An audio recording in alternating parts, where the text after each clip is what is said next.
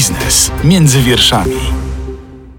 Agnieszka Zaręba, Biznes Radio ZPL. Dzień dobry. Pierwszym gościem podcastu Biznes między wierszami jest Ryszard Petru. Wcześniej aktywny polityk, przewodniczący Nowoczesnej, od wielu lat przedsiębiorca, a obecnie również szef Instytutu Myśli Liberalnej. Dzień dobry. Czy przeliczył pan już, zastanowił się, jak jako przedsiębiorca wyjdzie na Polskim Ładzie? Tak, przeliczyłem i tak jak większość polskich przedsiębiorców e, stracę, dlatego że Polski Ład to jest formuła pozyskania pieniędzy na te wszystkie wydatki, które przez ostatnie lata fundował nam PiS, czyli 500 plus 13, 14 emerytura. Mówiłem, że zabraknie, teraz widać, że zabrakło. Prosta sprawa, jeżeli ktoś jest przedsiębiorcą, wystawia fakturę na 5,5 tysiąca brutto, brutto podkreślam, to straci na Polskim Ładzie 4 tysiące złotych rocznie. A jak ktoś wystawia fakturę na 10 tysięcy, brutto miesięcznie, to straci na Polskim Ładzie 9 tysięcy złotych rocznie. I teraz tak, najbogatsi Polacy, czyli ci duże firmy, są w stanie uniknąć tego efektu, bo na pewno będą luki w prawie. Dwa możliwe przeniesienia biznesu do Luksemburga, na Słowację, do Czech i tak dalej, i tak dalej. W związku z tym duże firmy nie ucierpią, przeciętny polski przedsiębiorca dostanie po łapach. I pytanie jest takie tylko, dlaczego po pandemii kiedy wiele firm miało olbrzymie problemy. Część się nie podniosła, część ma olbrzymie problemy ze spłatą zobowiązań. Dlaczego główne uderzenie idzie właśnie w ludzi przedsiębiorczych? Oczywiście stare powiedzenie mówi, że idzie uderzenie tam, gdzie są pieniądze. Tylko, że chcę podkreślić, że osoba, która ma 5,5 tysiąca brutto wystawia fakturę i ma niezapłacony kredyt, albo spłaca kredyt cały czas, musiała ją zaciągnąć, bo firma gorzej prosperowała w COVID-zie, albo miała trudności, to nowy ład ma to gdzieś.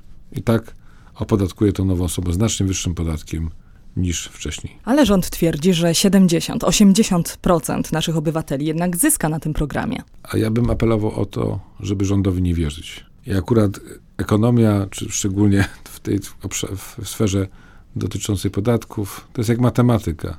Łatwo sobie policzyć, ile zarabiamy, ile będziemy musieli płacić. Apeluję do wszystkich słuchaczy, aby nie wierzyli w to, co mówi rząd i sami policzyli, co to oznacza tak naprawdę. I mam nadzieję, że w wyniku tego polskiego ładu ci przedsiębiorcy, bo byli tacy, którzy głosowali na PiS, jakby zreflektują się, bo to jest partia, która zabiera tym, którzy zarabiają i daje tym, którzy zarabiają bardzo mało albo nie pracują. Jeżeli mówimy o matematyce, to ja może przytoczę kilka tych liczb, o których mówi rząd. A mówi, że na zmianach skorzysta dokładnie 18 milionów osób, 9 milionów nie będzie płacić podatku PIT, a 90% emerytów i rencistów będzie miało więcej środków finansowych. No to brzmi to obiecująco. No ale prosta sprawa, 5,5 tysiąca jest średnia pensja w Polsce, w związku z tym osoba, która tyle zarabia, ma zapłacić więcej podatków, to jest stratna. Nie wierzmy rządowi, od dawna raczy nas propagandą.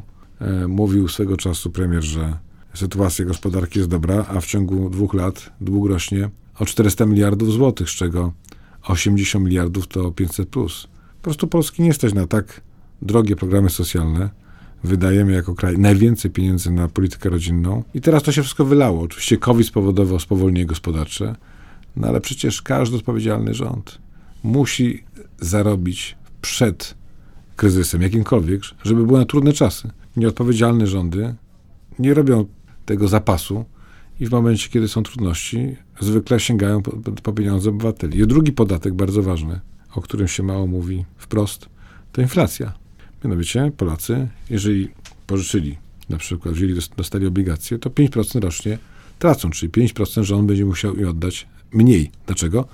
No bo inflacja powoduje, że ze 100 zł robi nam się 95. Przypomnę, mamy rekordowo wysoką inflację, a Narodowy Bank Polski nie podwyższa stóp procentowych. W ten sposób spłaca dług kosztem obywateli. Po wojnach często było tak, akurat COVID jest podobny do wojny, bo to jest pustoszenie, ale to nie wynika ze słabości gospodarki globalnej, tylko z tego uderzenia covidowego czy wojennego.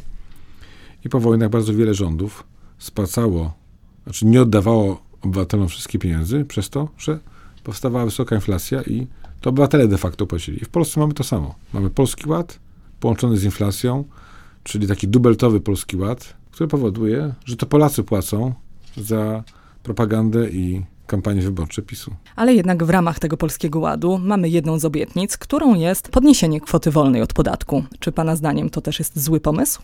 Ale nie można rozpatrywać tych rzeczy oddzielnie, bo to jest tak, jakby Pani powiedziała, że na koniec obiadu będzie fantastyczny deser, tylko pierwsze i drugie danie było e, przegniłe, stare, niesmaczne, niezdrowe i tak dalej. No i co z tego, że na końcu dnia jest wisienka, kiedy wszystko inne było zepsute. W związku z tym nie można odseparowywać podwyżki kwoty wolnej od pozostałych podatków. Ona zostanie obniżona, ale w zamian za to zostaniemy uderzeni składką zdrowotną. Efekt netto, tak? Gdyby te dwie rzeczy razem połączyć, jest taki, że większość Polaków przedsiębiorczych, pracujących zapłaci znacznie wyższy podatek. W związku z tym nikt nie, nie powinno się nabrać na to, że w ramach szerokiego złego programu, bo to jest tak naprawdę zatruty owoc. Polski Ład to zatruty owoc dla polskiej gospodarki.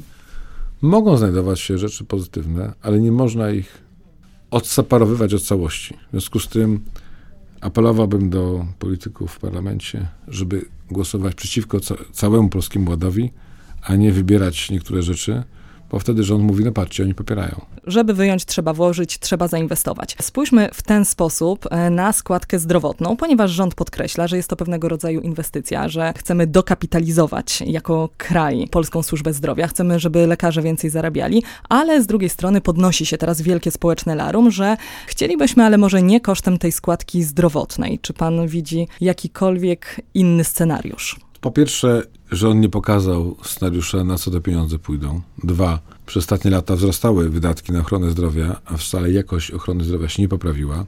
Trzy, od dawna brakuje lekarzy, pielęgniarek i ich wynagrodzenia nie wzrosły tak, jak powinny wzrosnąć, żeby ich było odpowiednia ilość.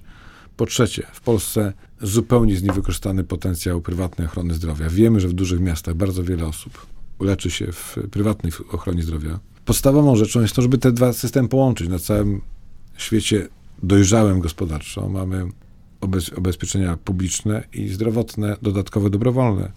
I żebyśmy wprowadzili ten strumień prywatnej ochrony zdrowia do publicznego, połączyli te dwa systemy, pieniędzy byłoby znacznie więcej. Dwa, bardzo wielu z nas, większość osób starsze, muszą płacić za to, żeby przeskoczyć kolejkę, żeby się dostać do specjalisty. Płacą zwykle pod stołem. A PiS udaje, że tego nie ma. Mówi, że prywatna ochrona zdrowia to coś strasznego. A tak naprawdę większość Polaków musi raz na jakiś czas zapłacić albo za wizytę prywatną, albo za przeskoczenie kolejki, nie mówiąc o stomatologu i różnego rodzaju innych e, usługach medycznych. Czyli to jest hipokryzja. Udawanie, że wszystko jest za darmo, a de facto wielu z nas musi płacić z własnej kieszeni za służbę zdrowia. Lepiej zorganizowana ochrona zdrowia z sektorem prywatnym, który jest równolegle dostarcza usługi zdrowotne, to jest dużo lepsze rozwiązanie niż dobijanie Polski, Polaków składką zdrowotną. I jak znam życie, część tej pójdzie na ochronę zdrowia, a część pójdzie na wydatki socjalne PiSu, na kampanię wyborczą. Powtarzam, nie wierzmy w to, co mówi rząd. To jest w dużym stopniu propaganda i kłamstwo. Ale warto wiedzieć, e, co mówi. Ja też tutaj e, przytoczę słowa premiera Mateusza Morawieckiego, który powiedział: Chcemy, by cała służba zdrowia była na jak najwyższym poziomie. Po to jest składka zdrowotna. Polska jako jedyny kraj w Europie może odliczyć sobie składkę zdrowotną od podatku. I no, taka no jest narracja. No i co z tego, że może, ale taki był system i jakoś nie, nie przeszkadzał nikomu przez wpisie przez ostatnie 5 lat. A dwa, jeżeli wyjmiemy tą składkę zdrowotną z podatku, to podatki będą wyższe w sumie. No. Pytanie jest takie, czy Polak otrzymuje za pieniądze, które płaci na zdrowie, usługi, które są adekwatne do wydatków. Mam olbrzymie obawy. Dwa, w wielu przypadkach słyszymy o, o, o tym, że nawet osoby związane z PiSem zasiadają w, w zarządach szpitali, są dyrektorami szpitali i tak dalej. No pytanie, czy w ochronie zdrowia musi mieć kolejne obajtkowo? Czy nie może być znacznie większa część tego systemu prywatna? To, co mówi Mateusz Morawiecki, nie ma się nijak do faktów. Ważne jest to, czy ochrona zdrowia jest dobrze zorganizowana i czy wystarczająco dokapitalizowana. W Polsce jest źle zorganizowana, a z tego wynika złe dokapitalizowanie. Na całym świecie są dobrowolne ubezpieczenia zdrowotne prywatne. Pytanie, dlaczego się PiS tego boi? Pan podkreśla też, że jest przeciwnikiem ulg, danin, składek, ale czy z drugiej strony tak bez podatków, bez podnoszenia podatków da się prowadzić politykę? Jeżeli polityka ma polegać na podnoszeniu podatków, to skończymy na takim poziomie, jaki było w Szwecji, że płaciło się 90% od dochodu, albo 110 nawet. Podnoszenie podatku świadczy o słabości rządu, że sobie nie radzi, że wydał więcej niż zaplanował, że ludzie nie, nie, nie, mogą być wolni w tym swoich decyzjach. No musi być jakiś poziom, ile zabiera państwo i co z tego mamy. W Polsce niestety w wielu przypadkach e, Polacy nie czują przełożenia wydatków finansowanych z podatków na jakość życia. Zauważmy, że niestety w wielu przypadkach to, co prywatne lepsze, a to państwowe jest gorsze. Oczywiście nie zawsze, ale mamy sytuację, w której y, Polak ucieka od państwowych usług, jeżeli może, jeżeli go na to stać. W związku z tym jakość usług publicznych, szczególnie za okresu PiSu, jest bardzo, e, bardzo się pogorszyła. Ja w takim razie przytoczę tutaj jeszcze jeden cytat, tym razem Jana Sarnowskiego, wiceministra finansów, który powie powiedział w sierpniu 2021 roku, cytuję, około 45% przedsiębiorców zapłaci niższe podatki, będziemy wspierać biznes nastawiony na rozwój, wydatki inwestycyjne po stronie firm staną się tańsze, ułatwimy znalezienie kapitału. Czy uważa pan, że to jest realne, to co powiedział minister Sarnowski? Zajmuję się tym jako prowadzący działalność gospodarczą firmę doradczo-inwestycyjną, natomiast mogę powiedzieć tak, że nikt nie pozyskuje, z moich klientów nikt nie pozyskuje od Skarbu Państwa. Unikamy państwowych banków, PFR-ów, bo to wszystko jest niepewne. To wszystko jest niesymetryczne. W związku z tym nikt nie oczekuje od państwa pieniędzy. Od państwa oczekuje się stabilnych, przewidywalnych reguł gry. A Polski Ład właśnie temu zaprzecza. To znaczy daje niepewność, niejasność, zmianę reguł gry. W Polsce były takie dwie olbrzymie uderzenia w przedsiębiorczość i stało się gry, czyli po pierwsze uderzenie w OFE, raz zarządów Platformy, drugi raz zarządu PiSu, czyli zasadnicza zmiana reguł gry i zawrócenie w ogóle kierunku reform. I drugi raz energetyka odnawialna, wiatrowa, też zmiana reguł gry, czyli ktoś, kto zainwestował pieniądze, nagle dowiaduje się po kilku latach, że aha, to nie ten sposób. Tak niestety działają państwa niepoważne. E, w takich się nie inwestuje w długim terminie. Nie ma nic gorszego niż w Polsce być uzależnionym od finansowania ze strony państwa. I też proszę wziąć pod uwagę to, co się wydarzyło. Mamy do czynienia z olbrzymią nacjonalizacją banków na przykład. Jest dużo mniejsza konkurencja. I znam przedsiębiorców, którzy po prostu nie chcą w państwowych bankach brać kredytu, bo niepewność, bo zmiana reguł gry, bo podsłuchy i tak dalej, i tak dalej. Wszystko to ohydne, co się ko kojarzy jednak z czasami sowieckimi, niestety tylnymi drzwiami wchodzi do polskiej gospodarki, bardzo ją osłabia. No i w dłuższym okresie spowoduje, że będziemy takim krajem, gdzie jesteśmy zawsze biedniejsi od innych i szukamy tylko taniej siły roboczej. No to w takim razie może podpowiedzmy polskiemu rządowi, jakie przepisy, jakie pomysły powinny jeszcze znaleźć się w Polskim Ładzie, bo że... mówi pan, że opozycja powinna mieć jednoznaczną kontrofertę dla PiSu. Jaka jest pana kontroferta? Nie, ale to, jeżeli chodzi o Polski Ład, to trzeba to odrzucić, bo to jest zatruty owoc. To jest zły program, to jest, y, w ogóle nie ma, to jest do kosza. Ale Polski Ład wynika z polityki PiSu, to jest jakby reakcja na to, co się stało wcześniej. Uważam, że po pierwsze nie wolno ulegać takiej presji, że 500 Plus jest dobrym programem, jest złym programem. Powinno być tylko dla osób, e, była tylko dla niezamożnych, tylko dla pracujących i to w formie bonu. Musimy zlikwidować 13-14 emeryturę, a Polacy muszą mieć więcej wolności gospodarczej. Nie może być też, że za każdym razem wszystko musimy pisać, pytać urzędnika, że to ty podejmujesz decyzję zgodnie z regułami gry. Jest za dużo skomplikowanych przepisów, za mało elastyczności, za mało prywatnego sektora w, w ochronie zdrowia i tak dalej, i tak dalej. Natomiast tutaj nie chciałbym przedstawiać programu dla opozycji, bo opozycja bardzo istotnie, niestety, to jest taka trochę moja konstatacja, bardzo chce się ścigać z pisem na e, populizm, to niestety obawiam się, jest droga do porażki, gdyby tak miało być w kampanii wyborczej. A jak pan ocenia siłę dzisiejszej opozycji? Nie chciałbym krytykować opozycji, no bo opozycja... Ale możemy pochwalić. Nie jestem aż tak na bieżąco, przyznam się szczerze, i nie oglądam wszystkich y, serwisów informacyjnych, a robię to raz na jakiś czas, szczególnie, był też okres trochę wakacyjny i w związku z tym mogę powiedzieć tak, no opozycja się stara, natomiast cały czas brakuje tego ostatecznego starcia i kontrpropozycji, no ale ja zakładam, że to może się wydarzyć na poziomie w okresie wyborów. To znaczy, tego bym oczekiwał, że musi być kontroferta, wielka, wielki pomysł, który jest kontrofertą dla 500, plus, dla 13 i 14 emerytury, dla, dla państwa socjalno-narodowego. Uważam, że to powinno być państwo przedsiębiorcze, otwarte, europejskie, ze strefą euro, z, ze sklepami, które są otwarte przez cały tydzień, żeby nie było żadnych zakazów, żeby nakazów nie było, żeby człowiek mógł się czuć wolny i sam decydować o przyszłości, a nie być uzależniony od urzędnika państwowego żeby było mniej obajtków i obajtkowa, żeby więcej było inicjatywy prywatnej, żeby każdy się mógł czuć siebie i nie być, nie było tych podziałów, natomiast nie jestem w polityce i nie chcę podpowiadać politykom, jakiego rodzaju działania powinni podejmować. Nawet oprócz tego, że na pewno w okresie kampanii wyborczej ci, którzy pójdą przebijanie, przebijanie PiSu na obietnice wyborcze, przegrają, bo PiS akurat w rozdawnictwie i obiecywaniu gruszek na wierzbie jest najlepszy na razie. Zatrzymajmy się na moment przy temacie 500, ponieważ nie da się ukryć, że jest to e, jeden z najważniejszych, takich flagowych prospołecznych e, programów w tej chwili partii rządzącej. Jest on e, lubiany przez bardzo wiele osób, które z niego korzystają. Wiemy też, że dużo tych pieniędzy jest po prostu wydawane na bieżąco i wiele też nie trafia do dzieci w ogóle. Pozwolę sobie przytoczyć dane Głównego Urzędu Statystycznego, z których wynika, że w 2014 roku ponad 700 tysięcy dzieci żyło w skrajnym ubóstwie, a w 2019 300 tysięcy, czyli plus minus spadek o 60%. Czy to nie jest sukces programu Rodzina 500? No, ale to trzeba jeszcze udowodnić, że to w wyniku tego programu nastąpiło, a nie wzrostu gospodarczego na przykład, tak? E, teraz pytanie jest takie, no to sprawdźmy, o ile pogarsza się sytuacja dzieci w wyniku wzrostu cen żywności. Żywność rośnie nie o 5%, tylko 6, 7, 8 i rosną też ceny podręczników, wszystkiego to wie pan, na tej zasadzie to można powiedzieć też w tym roku na pewno się pogorszy sytuacja wielu rodzin, wielu dzieci. W wyniku nieodpowiedzialnej polityki rządu, która doprowadza do inflacji. A czy uważa pan, że ktokolwiek z opozycji będzie miał odwagę y, zablokować, zawetować program 500? Nie chcę mówić za tą obecną opozycję.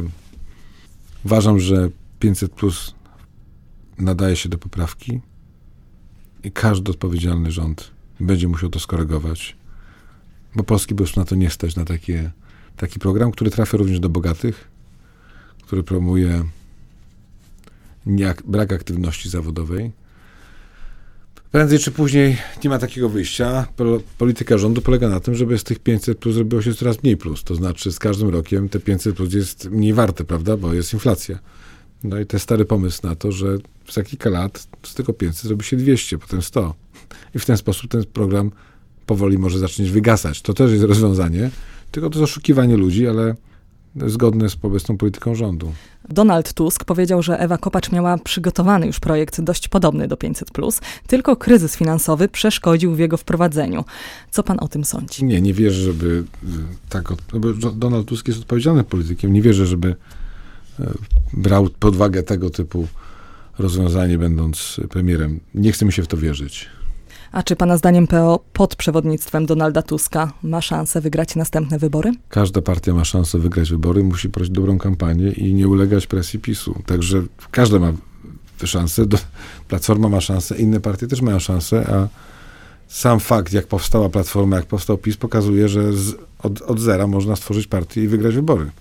Może rząd bierze sobie też trochę do serca Pana Rady przy kolejnym programie społecznym, który ma ułatwić łączenie rodzicielstwa z pracą zawodową, mam tutaj na myśli rodzinny kapitał opiekuńczy. Wsparcie w wysokości 400 zł będzie wypłacane bezpośrednio podmiotowi prowadzącemu żłobek, klub dziecięcy lub zatrudniającemu dziennego opiekuna. Środki nie będą opodatkowane, a ze wsparcia ma skorzystać 600 tysięcy dzieci. No to już na pewno lepsze rozwiązanie, bo jest bezpośrednio skierowane do tych, którzy go potrzebują, prawda?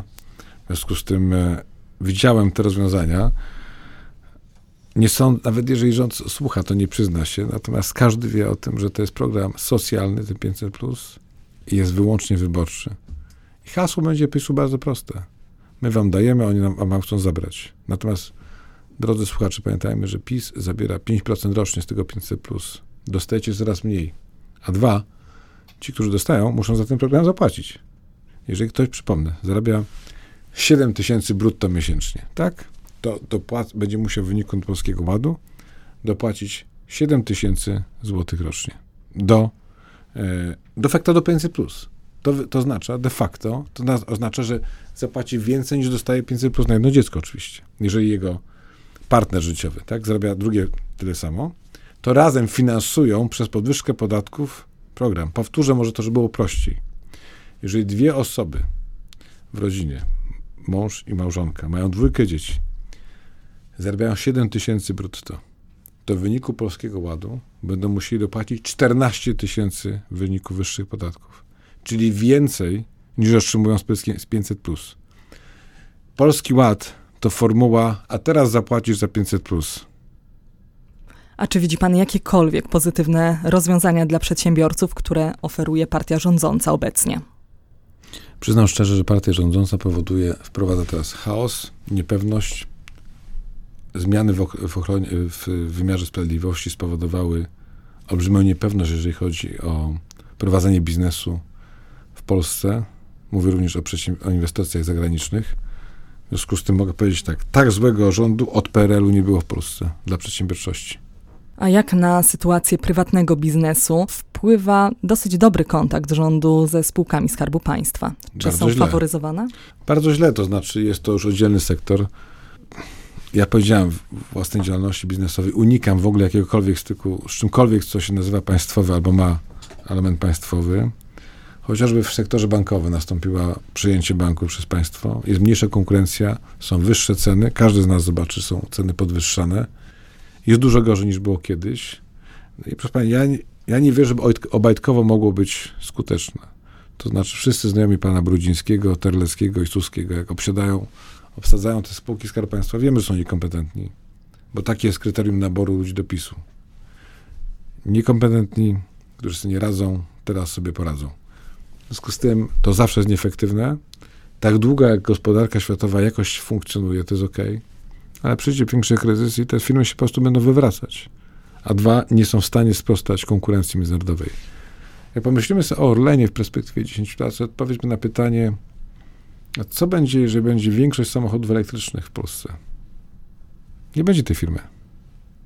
Może wtedy będą jakieś e, kolejne dodatkowe usługi wprowadzone przez Orlen. No może, ale chodzi o to, że ktoś inny też będzie mógł wprowadzić. W związku z tym ja wierzę, proszę zobaczyć, że akurat największą rewolucję, jeżeli chodzi o ekologię, wprowadza w tym momencie prywatna firma Elona Muska. Tak, poprzez rozpropagowanie, można powiedzieć, Tesli. Teraz inne, inni producenci przychodzą masowo też w tym kierunku. No i to nie państwo zrobiło, tylko sektor prywatny. Nie wierzę w jakąkolwiek innowację z państwa. I najbardziej jest straszne to, że te Orleny i Obajtki, Obajtkowo całe, żeruje na Polakach. I Polacy za to płacą. To tak na koniec jeszcze zapytam, czy nie tęskni pan za polityką, czy zobaczymy pana jeszcze kiedyś na tej arenie? Państwo, jestem półtora roku temu wyszedłem z polityki i co chwilę mnie ktoś w jakichś tam dokumentach muszę pisać, że już nie jestem aktywnym politykiem, bo tego wymagają, że tak powiem, przepisy europejskie. W związku z tym na razie chętnie sobie oglądam to z boku. Wygląda jak wygląda, ale wydaje mi się, że dużo się będzie jeszcze działo i nie wierzę w to, żeby PiS w długim okresie mógł rządzić w Polsce, bo jest to partia, która nawet sobie nie radzi z taką rzeczą jak proste finanse publiczne. Ale nie wyklucza pan, że jeszcze kiedyś wróci do Na polityki? razie nie planuję. Na razie nie planuję. Jak, jak zaplanuję, to panią poinformuję. Dziękuję bardzo serdecznie za dzisiejsze spotkanie, za rozmowę, za poświęcony czas. Państwu dziękujemy za wysłuchanie pierwszego odcinka nowego cyklu podcastów Biznes między wierszami, który przygotowywany jest przez redakcję ekonomiczną Radio Z.pl. Zapraszam również na stronę internetową radia oraz na profile Radio Z Biznes w kanałach social media, gdzie codziennie dodajemy najświeższe informacje dotyczące gospodarki, polityki, ekonomii, inwestycji, no i przede wszystkim biznesu. Zostawcie po sobie ślad w komentarzach, bo robimy to dla Was. Jeszcze raz serdecznie dziękuję. Bardzo dziękuję i gratuluję inicjatywy. Mam nadzieję, że trochę ludzie w Polsce, słuchacze, więcej się dowiedzą o biznesie, ekonomii niż od rządu. Już miałam powiedzieć, że taki jest cel, ale liczę na to, że od rządu także będą się coraz więcej dowiadywali. Żeby tylko to prawda była. I tutaj postawimy kropkę. Agnieszka Zaręba serdecznie dziękuję. Dziękuję bardzo. Ryszard, I Ryszard Petru. Petru. Biznes między wierszami. Więcej podcastów na player radioz.pl.